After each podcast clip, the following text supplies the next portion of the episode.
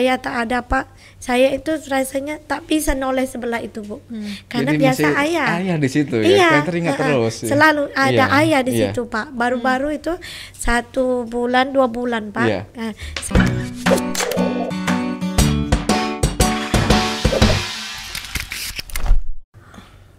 hari ini kalau mau ikut jumlah penduduk yang ada Iya. jumlah penduduk Kota Tanjung Pinang itu yang tercatat di Disduk ya Pak ya hari ini pasti sudah bertambah tapi Mm-mm. Iya, tentu iya. penambahannya tidak, Tidak signifikan. signifikan. Iya.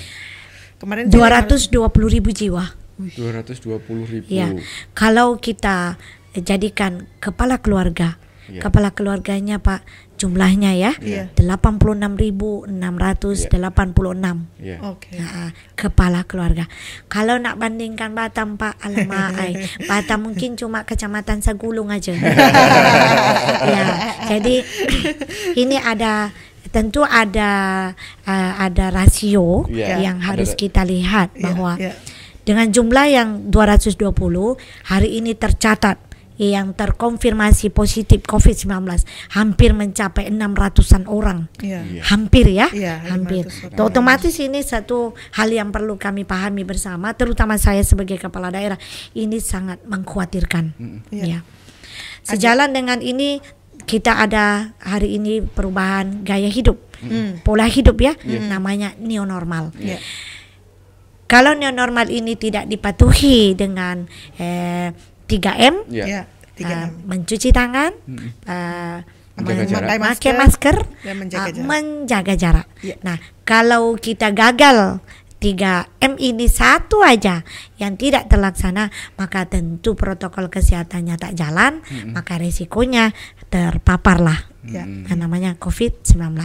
Nah, tentu ini menjadi kewajiban tak hanya di pemerintah, Iya. karena ini menyangkut individu penentu kuncinya. Pemerintah tentu eh, memberikan satu regulasi, Mm-mm. satu himbauan, satu eh, ini aturan yang mana mengatur kita bersama-sama untuk selamat dari COVID-19. Mm. Nah, ini memang bukan hal yang gampang. Mm. Kita harus terus eh, berjuang. Bahkan ibarat saya hari ini Pak, kita jihad Iya. Iya. karena COVID ini tak pilih kasih. Iya. tak pandang bulu. Hmm. Siapa aja dia boleh kena. Dan di sinilah tantangan kita semua, terutama saya sebagai kepala daerah, bagaimana bisa harus bisa menekan angka COVID ini menjadi lebih kecil. Kalau Allah takdirkan, mudah-mudahan balik zero. Iya. Amin Bu, amin. Bu, Kita ini- berdoa bersama Iya. untuk Ya, amin. Ah. Bu, apakah yang eh, yang dilakukan pemerintah kan apa memberlakukan sanksi pelanggaran itu? Oke, itu baik. sudah berlaku dan sudah berhasilkah atau menurut- belum? Nah, Ah, baik. Alhamdulillah saya sudah buat perwako yang nomornya nomor 44 tahun 2020 tentang disiplin uh, pelaksanaan protokol kesehatan. Termuatlah beberapa poin di dalam perwako ini. Salah satunya bila mana eh, tidak disiplin maka adalah sanksi, Sanksi, dia. iya. Tapi sanksi itu eh, bukanlah semata-mata untuk buat Menghukum, satu ya. hukuman, Iya, iya. tapi ini lebih mengedepankan satu edukasi, Iya. Ha, peringatan atau ibarat kata kita ada rambu-rambu lah. Ha, pertama kami sudah tahapan kami mulai bu. Tahapannya pertama apa? Karena kita wajib sosialisasi. Hmm. Kan tak adil tiba-tiba datang buat sanksi. Iya, Ha, iya. tentu masyarakat tak terima. Iya. Kami buatlah sosialisasi. Sosialisasi ini kami sudah jalankan ibu mau mencapai angka dua bulan. Hmm. Ya. Sosialisasi ini apa aja sih bentuknya Bu Rama? Teguran pakai lisan. Ha. Dan aturan ini berlaku tidak hanya untuk individu, tapi untuk juga pelaku usaha, entah itu acara pernikahan, ada acara event. Event-event ya. Nah, itu harus bertanggung jawab. Ha, karena kan dia yang ngundang, Iya. dia yang buat kegiatan, maka dia harus mampu untuk eh, disiplin protokol kesehatan. Hmm. Nah, sanksinya yang kedua, sanksi teguran, sanksi tertulis. Nah, Sanksi tertulis ini pun kita masihlah berharap taklah nanti naik menjadi penindakan sanksi pakai duit. Pakai Nah, duit, ya. iya. lagi-lagi kita terus menghimbau uh, beberapa kali alhamdulillah uh, selain penanganan covid yang lain kami juga buat eh, sebaran yang namanya masker, Masker. Uh, Kemarin tepatnya tanggal 27 uh, ini Oktober kami buat eh, ini eh, menyebarkan eh, masker secara serentak. Yang kita mulai titiknya jelas, orangnya jelas uh, dan siapa saja yang menyebarkan ke- dari kecamatan, kelurahan, ibu PKK dari tingkat Semuanya penggerak sampai kelurahan, organisasi pramuka ada. Dharma Wanita juga ada. Nah, waktu itu berhasil, Pak. Kami eh, menyebarkan eh, anu masker 40.000 ribu sekian. 40 ribu sekian. Iya, dalam masa tiga jam. Tiga jam. Berarti semuanya Serempak langsung turun ya? ya? serempak. Siap. Ha-ha. Oke. Dan itu kita mulai tetap berlanjut pembagian masker. Oke. Oke, Dan ini karena yang paling ampuh hari ini 3M itulah penanganannya ya Pak. Selain pemulihan ekonomi. Iya. Karena wajib hari ini kami sebagai uh, pemerintah, di Pemerintah. daerah penanganan COVID selain kesehatannya juga ekonominya, Ekonominya, wajib kita wajib, iya. lakukan. Apa aja Bu Rahma lakukan Ha-ha. nih? Nah, hari ini ada satu ini satu hikmah besar Pak. Di saat pandemi COVID ini kan semua interaksinya pakai layar. Iya. Yang biasa tak pandai Online, ketak ya. ketik hari ini harus pandai. Nah, jadi ini tentu momen yang luar biasa. Kita belajar dari kondisi ini ada hikmah. Jadi saya bersama ini Pak kami sudah mulai juga kami gandeng dengan HIPMI. Oh, ini kan. Pak pengusaha-pengusaha Pengusaha, luar iya, biasa, iya. muda-muda. Nah, dia punya ilmu, kami punya uh, ininya eh, fasilitasnya. Fasilitasnya. Dia nak buat apa pelatihan apa dia punya ilmu bu Hmm. nah kami sounding lah alhamdulillah ini sudah mulai kita kita mulai Hmm. yang kedua pak apalagi yang Bu Rahma buat selain pelatihan pelatihan yang kami berikan kami juga selipkan namanya uh, ada eh, bantuan alat Hmm. Bantuan yang alat. bisa mengantarkan mereka eh, nanti langsunglah bisa beraksi. Oh. Nah, nah, ini rencana waktu dekat saya nak buat eh, pelatihan menjahit Mm-mm. untuk anak-anak milenial. Ha-ha, jahit masker. Oh, oke. Karena kalau masker itu kan tak perlulah kalian lebih sangat kan. Iya, iya, nah, iya. bolehlah lurus-lurus yang Iya. penting pandai. Okey. Oke. Nah itu saya nanti ini dalam waktu dekat Pak saya sudah buat ininya dengan Kak Pak Kadis saya. Yang kedua untuk level emak-emak atau bapak-bapak Iya. yang suka duduk rumah kan tak boleh pergi mana-mana nih. Ah duduk rumah buat ayaman, anyaman. Buat anyaman, anyaman ini kita bahan bakunya dari eh daun pandan. Oh. Ha, ini kita dah siap juga. Ini kolaborasi dengan siapa bu? Ah, sama kami juga minta bantu ilmu. Kalau ini karena ini ilmu nenek-nenek, ha, kita mintalah bantuan dari eh, ini dari Lingga. Oh. Ya, dan saya sudah buat sedikit beda daripada sebelumnya karena ini butuh butuh pak eh, perubahan mindset po- pola pikir.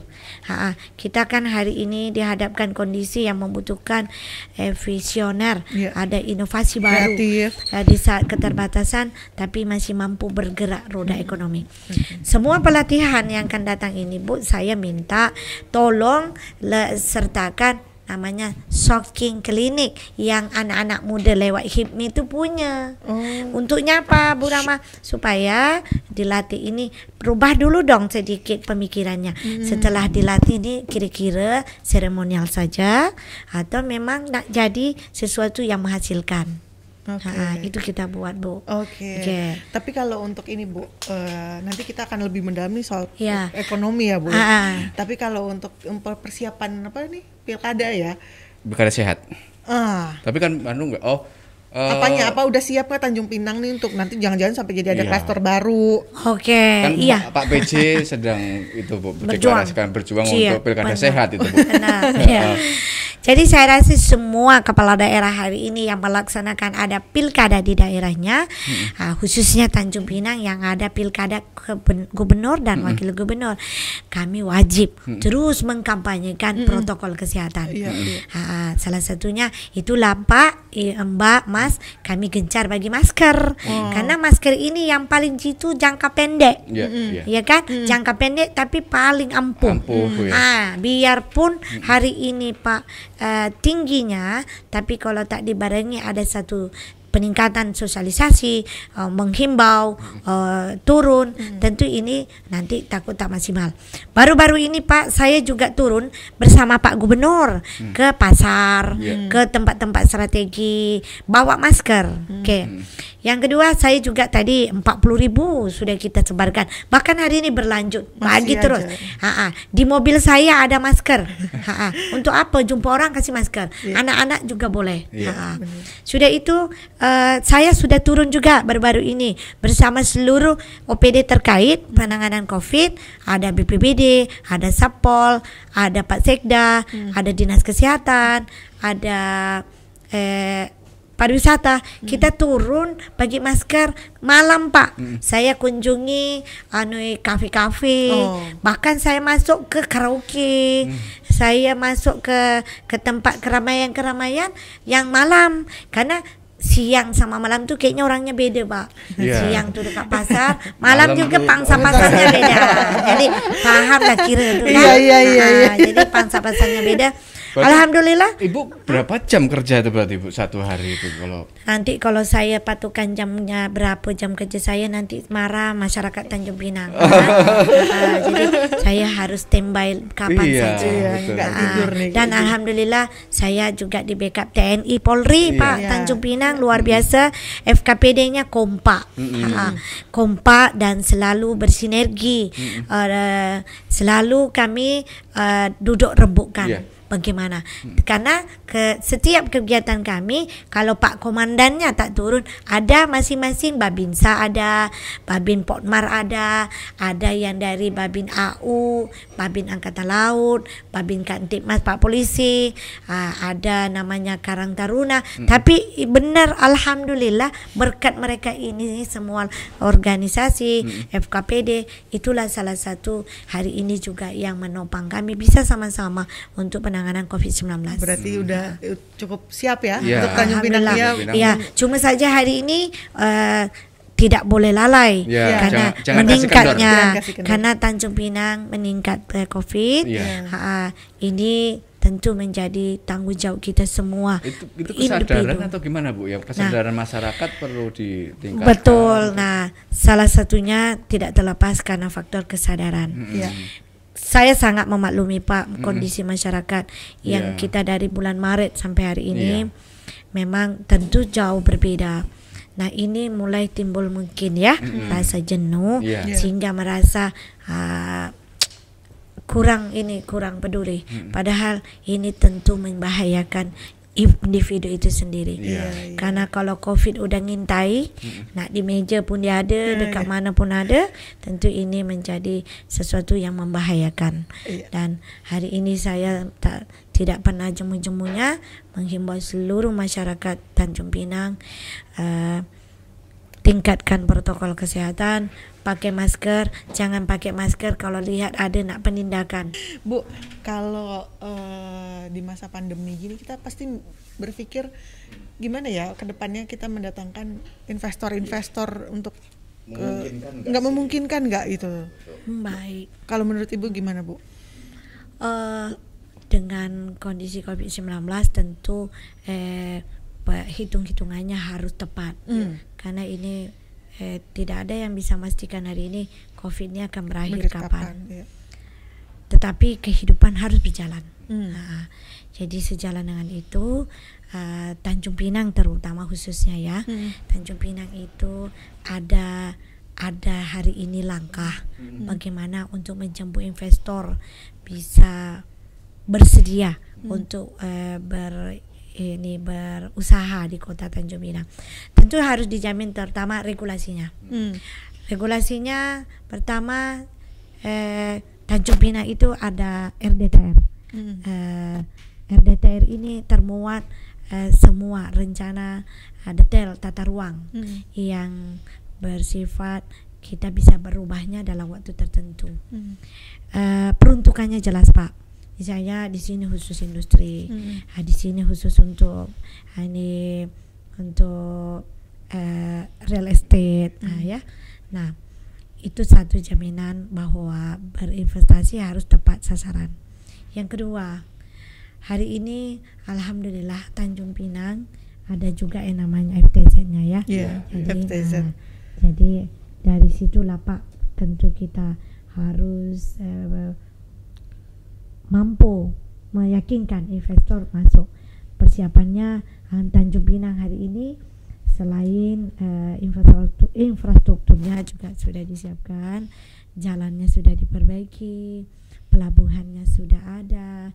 Nah, tinggal ini tugas dari pemerintah daerah bersama FTZ untuk bergandeng tangan menjemput investor masuk ke kota Tanjung Pinang. Kalau kita lihat bandingkan Batam, aduh nggak ada apa-apanya mbak. Saya berharapan besar eh, bahwa minimal Tanjung Pinang ini eh, ada satu pabrik yang berdiri yang bisa eh, mengantarkan anak-anak Tanjung Pinang bisa Hmm. numpang bekerja Bekerja ya. karena ini tentu menjadi harapan kita semua terutama terutama kami Tanjung Pinang untuk bisa bangkit dalam kondisi COVID-19 ini. Insya Allah dan perizinannya tentu ini juga satu jaminan yang harus mampu kita meyakinkan orang Mm-mm. untuk mudah mudahnya perizinan yang mereka harus kantongi. Kalau dari jenis investasinya ada pengkhususan nggak, Bu ya? Misalnya, eh, oh Tanj- kalau Batam kan kebanyakan manufaktur, terus seperti eh, galangan kapal. Kalau Tanjung Pinang lebih ke eh, investor di pariwisata atau di mana, atau umum? Di Tanjung Pinang, Pak. Mm-mm. Kalau ini untuk kan daerahnya tidak semuanya, Pak. Ya, sebagian. daerah tertentu aja. Mm-mm. Ini ada untuk di Senggarang, Mm-mm. kita itu ada ini eh, perdagangan, Mm-mm. ada juga yang di di, di daerah Dompa. Mm-mm. Daerah Dompa itu yang sekarang ini tem- tempatnya eh, kantor provinsi ya. Ha-ha. Jadi kalau di Tanjung Pinang ini Pak, ke sekarang ini kami lagi berjuang nih, Mm-mm. terutama untuk investornya itu untuk para wisata juga kita berharap Iya. karena Tanjung Pinang ini bagaimana kita bisa memolesnya Iya, yang iya. ada kita eh, bungkus menjadi yang menarik Mm-mm. Iya. sehingga tentu ini menjadi daya tarik tertentu. Hmm. Tanjung Pinang itu eh, yang kami tonjolkan itu memang pariwisata. Pariwisata. Pariwisata. ya. Nah, tetapi perlu kita ketahui pariwisata ini juga membutuhkan pembiayaan yang tidak sedikit. Iya. Mm. Nah, ada adanya ini infrastruktur jalan, Hmm. baik transportasi seperti ke penyengat, Mm-mm. nyebrang laut, tentu harus kita mampu menjamin rasa nyaman, Keselamatan. keselamatan, Iya. sehingga orang mau men- menyeberang. Mm-mm. Iya, iya. Jadi eh, dan memang Pak hari ini kita juga banyaklah ada bantuan-bantuan dari pusat Mm. terkait untuk membangkitkan kembali pariwisata yang ada di Kota Tanjung Pinang. Hmm. Tapi ada rencana memang mau memperbaiki infrastruktur atau Eh, menambahkan insya Allah. Justru Hmm. hari ini eh, kita juga sejalan dengan untuk penanganan COVID, Hmm. kita perbaiki infrastruktur. Salah satunya sekarang yang saya konsentrasikan itu penerangan lampu jalan. Hmm. Oh. Kalau ibaratnya selama ini kurang penerangannya, Ya. saya ini yang menjadi fokus saya.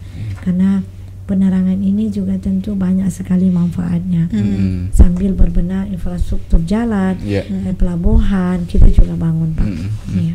Hmm. Oke.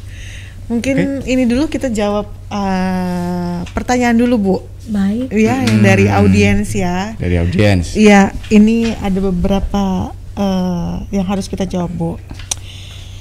M. Ali, bagaimana sikap Ibu terhadap UMKM yang terdampak selama pandemi, Bu? Tuh. Oke. Mm-mm. Iya. Apa mungkin ada Baik. Sikapnya apa? Pertama hari ini memang kan untuk khusus UMKM Mm-mm. pem- pemerintah pusat kan Ya. juga hari ini uh, membantu uh, UMKM yang ada di daerah.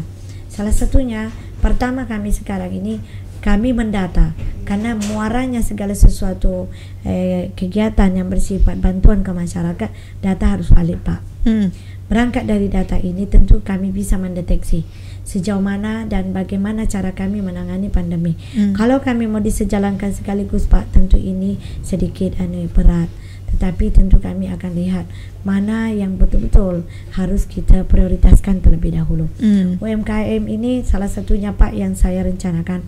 Saya akan buatkan satu surat edaran Mm-mm. untuk seluruh swalayan, Mm-mm. supermarket, toko-toko tradisional yang ada di kota kami yang memuat 25% dari etalase yang dia punya wajib kami UMKM titipkan usahamu di situ. Iya iya iya. iya. Oke. Karena Ya, kalau ya. kita mau buat etal- etalase sendiri Bu, tentu kesian. Iya. Iya, kan iya, pembiayaan. iya. Jadi pemerintah hadir Hmm. untuk memperantarai UMKM yang ada dengan solusi saya jaminkan untuk masuk ke pemasarannya khusus di rumah-rumah tertentu. Hmm. Contoh ada swalayan, Hmm. ada supermarket, Hmm. ada kafe-kafe. Hmm. Kafe itu mungkin kita lihat adanya hari ini kita latih untuk anak-anak milenial. Hmm. Saya mau pandai dia meracik kopi, meracik Hmm. sesuatu.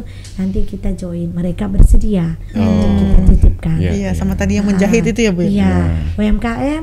Datu saya juga akan ini eh, buatkan satu etalasenya. Etalase itu saya lengkapi dengan SPG. Mm. Untuk apa? Untuk mempromosikan produk yang Bapak titip. Hmm, Nah, oke, oke. Jadi eh, hasil-hasil kerjaan saya yakin selama ini mereka sih antusias buat buat Mas. Cuma mereka terkendala kesian dia tak, tak tahu nak Tak jual tahu, ke mana. iya. Nggak tahu juga. Masuk packagingnya Uh-uh. karena biar cantik tentu bungkusannya yang indah, Hmm, nah, terutama higienis. Iya. Dan bagaimana Ibu Rama menyikapi masalah UMKM? Pak, dalam waktu dekat ini saya akan latih sebanyak berapa eh, berapa ratus orang Mm-mm. yang sudah ada UMKM dia harus jual tentu ada syarat. Pertama syaratnya harus berlabel PRT. Iya. Yang kedua harus berlabel halal.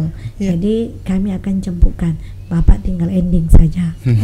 Udah disiapin semua Dan ada itu. rencana lagi, Ha-ha. saya juga lagi mencari eh, jalan keluarnya.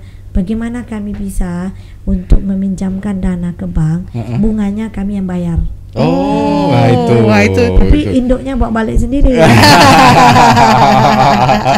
Iya iya iya. Kita pindah Pak bayar. Hmm, iya, iya, iya. Oke, ada lagi Bu nih, Saputra. Menurut Ibu perbaikan apa yang mau diterapkan untuk perbaikan SDM khususnya di Pemko sendiri? Wah, Eh Pemda ya kalau sana. Pemko ya. Pemkot. Pem- Pemkot ya. Ya. Pemkot. Ya. Perbaikan. Sekarang SDM itu pertama hari ini Mm. saya juga mensiasati. Salah satunya tentu eh, di saat saya menerima utamanya ya Mm-mm. menerima adanya perpindahan Mm-mm. dari daerah masuk ke Tanjung Pinang. Saya barusan ini saya tinggal saya dalam waktu dekat saya juga akan tanda tangan dalam bentuk perwako bagi yang pengen pindah ke Tanjung Pinang sehingga silakan Hmm. tapi tentu ada prosedur yang Ya, harus harus dipenuhi. Mm-mm. Salah satunya apa? Ya, Hmm. kita lewati se- tahapan seleksi. Hmm. Seleksi ini tentu saya sesuaikan Mm-mm. kebutuhan mana anjabnya, analisa jabatan, yang Hmm. mana yang kosong yang perlu saya isi. Mm-mm. Tentu ini juga menjamin bahwa motivasi untuk pegawai kalau tidak ada saringan ini Pak, tentu ini masuk saja tak terkendali. Hmm. Sehingga ada yang memang berpotensi untuk menjadi naik level, Ya. tetapi karena banyaknya titipan sehingga Ya. mereka terbelakanggan. Iya iya. Iya, iya. Itu saya juga. Yang kedua eh, tentu menyangkut SDM Pak. Eh, sebenarnya saya me- saya me- melihat bahwa ini lebih dikarenakan kondisi Covid ini banyak alasan. Kita suruh duduk rumah mungkin memang WFH tapi setelah itu dikerayapan. Dan ini juga mempengaruhi. Nah, sebab itu eh, kita memang banyak tantangan luar biasa Iya, iya. untuk memanage saya rasa kita semua sebenarnya semua punya keahlian punya kepandaian Hmm. cuma mungkin bagaimana untuk bisa eh, apa namanya ya untuk bisa difungsikan betul-betul sesuai dengan kemampuannya, keahliannya sehingga kerjanya enjoy. Hmm. Contoh, kalau orang lihat Bu tak semuanya mau ikut eh, karir kayak saya Mm-mm. yang resikonya banyak, tak Mm-mm. bisa duduk cantik, boro-boro nak ke salon. nggak bisa Karena, karena nikmati Heeh. tidak ada yang masalah. Iya, Iya, iya. iya, iya. Sama juga saya selalu bilang untuk yang berlebar hari ini pegawai bersyukurlah karena semakin hari tingginya peminat untuk jadi pegawai. Iya. Tetapi coba sandingkan di saat kita bekerja di swasta itu jauh perbandingan. Karena kalau di swasta kita tak pandai, kita harus belajar. Kalau Iya. tidak ketinggalan. Iya. Iya, betul. Karena kita berdasarkan eh, kinerja, Iya. prestasi yang kita sodorkan dan tentu saya pengen di pegawai juga begitu, tidak mandang karena faktor X, Iya. tapi memang punya kemampuan. Hmm, Iya. Makanya saya potongnya pendek terus bu, saking bosannya. Terus sampai nggak berambut bu. Ada lagi nih Bu, Hibron M. Bagaimana untuk menyiapkan masyarakat untuk menjadikan Tanjung Pinang sebagai kota pariwisata? Nah masyarakatnya, sendiri Masyarakatnya, Bu. Bu. Oke, masyarakat sendiri hari ini tentu harus mampu punya keahlian. Mm-mm. Ya. Ha, misalnya dia punya kepandaian buat kuliner atau buat anu, apa Gi- namanya gift Souvenir, souvenir ya. ya. Nah, bagaimana ini bisa punya nilai jual? Iya. Kita memang harus akui kalau di daerah Pulau Jawa itu kan kreatifnya luar Iya. biasa. Iya, iya. Dan memang tidak boleh sekedar hanya buat saja. Tapi bagaimana barang ini yang kita buat mampu mempunyai daya tarik orang mau beli. Iya. Ha-ha. Betul. Tentu harus ada inovasi. Hmm. Jadi persiapan masyarakat Tanjung Pinang kejar kesempatan ini. Hmm. Jadi uh, manfaatkan karena memang tidak semuanya harapan itu tar- datang dari pemerintah. Tentu keterbatasan pasti ada. Tapi kalau memang kita sendiri persiapkan bahwa ini akan datang ada sesuatu mungkin yang tak bernilai tapi mampu kita mengubah mempunyai punya jiwa jual daya apa? Punya nilai jual. Nah tentu ini kan menjadi sesuatu kesempatan. Jadi saya juga tidak mau kesian kita hanya jadi penonton. Hmm. Ha, ha. peluang tangkaplah peluang ini. Dengan apa? Harus mampu merubah eh, mindsetnya. Sekarang kita belajar banyak browsing lewat internet. Bisa bisa bahkan belajar tata tata cara pembuatannya. Iya. artinya kita mau nggak Ya, tinggal Ah, kemauan dari kemauan kita ya, pak Nah, betul. itu saja Dan, Oke. ah. Ada lagi nih Bu, Ferencia Olive Iya. Bu, khususnya untuk pelabuhan penerapan protokol kesehatannya apakah sudah maksimal Bu? Apalagi Batam sudah zona Hmm. merah Bu, sedang zona Ah, merah. ah, baik. Iya. Jadi setiap pelabuhan kami ya di Tanjung Mm-mm. Pinang. Kalau kami pulang dari Batam itu kan ada pertama ah, pengukur suhu. Iya. Sudah itu ada apa namanya yang kita pakai Hand sanitizer. Hand Ah, bukan yang kita di handphone tuh kalau nak masuk Oh, anu pengecekan suhu itu. apa namanya? Program Aduh. Ah, oh, ap- aplikasi, aplikasinya. gitu. aplikasi itu Iya. ya. Sebenarnya memang itu tak bisa menjamin, Pak. Iya. Tapi eh, paling tidak ada usaha karena di pelabuhan Tanjung Pinang kalau memang dia dalam keadaan demam kan pertama selain suhu Pak dia bisa termonitor. Iya. Oh, langsung Ah, bunyi iya. screening ya Bu. Ada langsung ngambil itu Oh, gitu loh. Oke, Ah, ah. tuh. Ada. Nggak usah khawatir datang aja ke Datang Tanjung Tanjung Pinang ya Bu ya. Pinang. Iya, ada. Noviana. Noviana Larasati. Ah. Kartu kendali gas LPG sudah berlaku ya, Bu? Wah, ini tadi Baik. bagaimana Saya senang jawab. Ini tahu nih. Iya. Saya paling senang ini. Hmm. Kartu kendali gas LPG tentu pertama pahami bahwa ini uh, regulasi yang kita persiapkan pertama untuk peruntukannya tepat sasaran. Ya. Oke. Yang kedua ketersediaannya terjamin. Yang ketiga untuk mendapatkannya aksesnya gampang. Nah kartu kendali ini yang kita yang kita kendalikan ya itu 3 kg. Siapa aja yang boleh dapat? Tentu yang sesuai dengan judul ditabung. Tabungnya di situ ada jelas Ya. untuk orang miskin. Ah, Jelas itu bahasanya, Jelas Bu, ya. Jelas bahasanya. Iya. Ah, ah, jadi seharusnya tidak perlu lagi ada kartu kendali kalau tingkat kesadaran itu Ya. ada. Iya. Ini kan sayangnya di situ ada laundry, di situ ada kafe, di Ya. situ ada restoran, bahkan mungkin ada yang rumahnya sudah layak pakai 12 kilo, 5 kilo, masih datang banggal 5 untuk orang miskin. Ah, itu iya, dia. iya. Nah, bagaimana cara saya untuk tepat sasaran? Nah, harus dikendalikan lewat kartu. Kartunya apa aja isinya? Kartunya hanya khusus untuk LPG yang nanti kita ada batasannya. Untuk rumah tangga kita batasi sesuai aturan ya, aturan Kementerian eh, SDM. SDM, mm. Nah, itu empat tabung untuk satu rumah tangga satu bulan. Kalau untuk UMKM itu sembilan tabung untuk satu, Satu bulan. bulan. Nah, bagaimana Bu Rama kalau itu tak cukup? Nah, kalaulah tak cukup sila beli yang 5 Lima kilogram. kilogram. Nah, ya. Yang- Yang warnanya pink waktu Ya, itu. bagaimana syaratnya? Berangkat dari data DTKS. Ya. Data DTKS itu kan data yang dari Kementerian Pusat untuk atas nama kampung anu warga kita. Yang kedua dari Burama tak semua terdata. Kita data lewat verifikasi dan validasi kantor lurah. Siapa yang divalidasi? Rakyatnya yang memenuhi syarat yang belum mengantongi data DTKS. Yang jamin siapa? Kelurahan bahwa itu benar layak dapat dengan kriteria indikator yang sudah disiapkan dalam perwako. Belum berlaku Ibu yang bertanya tadi, tunggu hari Senin ini saya akan mudah-mudahan tidak ada perubahan. Minggu ini kok tak salah Bu, kita akan ada MOU dengan Pertamina. Dan itu yang kedua, saya persiapkan perwakonya. Perwakonya sudah berjalan sekarang, tinggal saya tanda tangani. Yang ketiga, action. Siap-siap kita kendalikan dengan tujuan untuk memberikan kemudahan. Oh, oke. Ibu Ferencia mungkin ya. Ada lagi Andesma Chandra nih. Bagaimana dengan permasalahan limbah hitam Tanjung Pinang perkembangannya seperti apa Bu di lautan itu Bu? Oh, itu limbah kayaknya hitam. itu bintan itu. Bintan. Itu bintan. Bintan Iya, biasanya. Bintan. Heeh, kasus-kasusnya di Bintan Anu, di biasanya. Itu kan Trikora. biasanya. Itu masuk. Ya, yang yang Itu masuk kayaknya pantai. gubernur ya Bu ya? Itu wilayahnya Wi- orang besar. Saya bisanya kalau ada ada saringan santan itulah yang kita pakai. Saringan santai. Oke Bu, nih. Oke. Eh, tapi sosok Bu Iya. Rahma ini sosok yang menginspirasi. Amin. Iya, teringat waktu saya perantau merantau di Batam dulu. Ternyata eh, itu ibu masih ada juga ibu yang luar biasa, Iya. luar biasa. Jadi closing statement Bu, Eh, ibu Iya. dari mungkin yang bahkan ibu tidak malu mengatakan aku bukan siapa-siapa.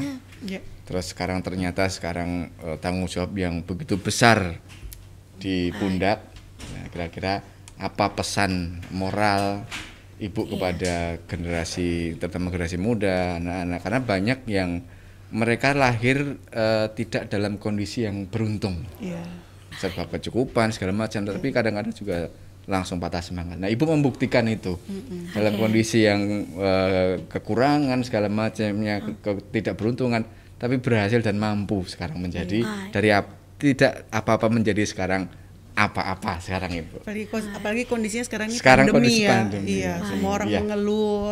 Ya, jadi ini untuk khusus adik-adik atau di mana pun berada bahwa wali kota Tanjung Pinang yang hari ini yang nama Rahma itu bukanlah orang yang berangkat dari serba kecukupan. Justru saya berangkat dari seleksi alam yang mengantarkan saya hari ini eh, lebih besar semata-mata itu karena izin Allah.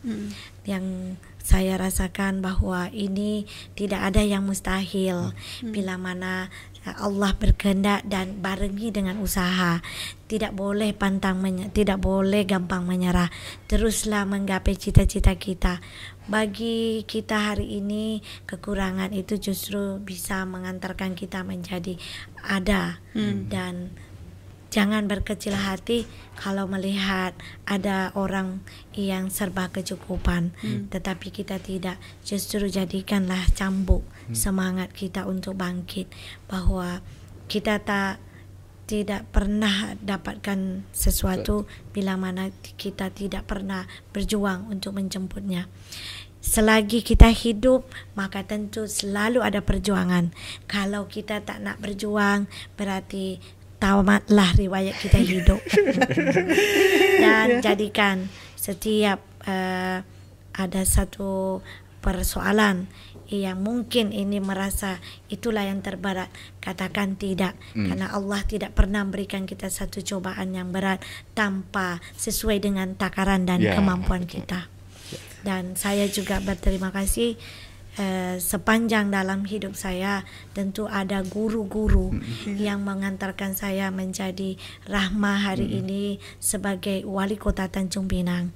Dan Mudah-mudahan eh, semangat yang pernah diberikan oleh siapa pun orangnya terhadap saya menjadi amal jariahnya terhadap perjalanan saya. Dan saya mohon doa dan dukungan seluruh masyarakat Kota Tanjung Pinang terutama dari masa pandemi Covid-19 ini. Mari kita bahu membahu untuk semua harus sehat. Selamatkan kota kita dari terkontaminasi COVID-19. tetap dan tetap menjalankan 3M ya Bu. 3M. Ya, Ya. dan jangan lupa eh, 3M. Iya. Cuci tangan, Pakai masker. pakai masker, Menjaga dan jarak. jaga, jangan berkerumun. Iya, Nah, ibu ini ini ada Kita minta kenang-kenangan Bu. kenang-kenangan bu. Oke. Di tanda tangan. tangan. Ini Oke. Boleh mungkin biar yang kelihatan. Oh, mau ya. dipoto ya? Iya. Tanda tangan. Bismillahirrahmanirrahim. Iya.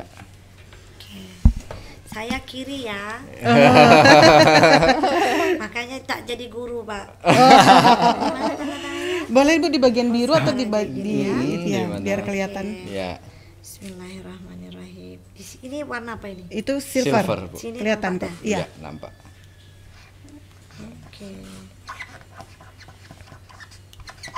Ah, ini tanda tangan wali Oke. kota. Tak perlu. Tak perlu, Bu. Ah. Terima kasih Bu Rahma sudah hadir ya di studio kita, sudah datang ke kantor kita Tribun. Hmm, tunjukin. Ini. Oke. Mas. Tunggu, Pak. Nah. Mungkin Bu, Ibu yang pegang Bu. Oh, gitu ya. Ya. Ibu yang pegang, Ibu pegang. tunjukkan ke apa? Ke Tribuners. Ke Tribuners pengen tahu bu. Wow. Oh bajunya masih yang ini. Iya, langsung deh bu. Ibu pegang biar kita foto bareng.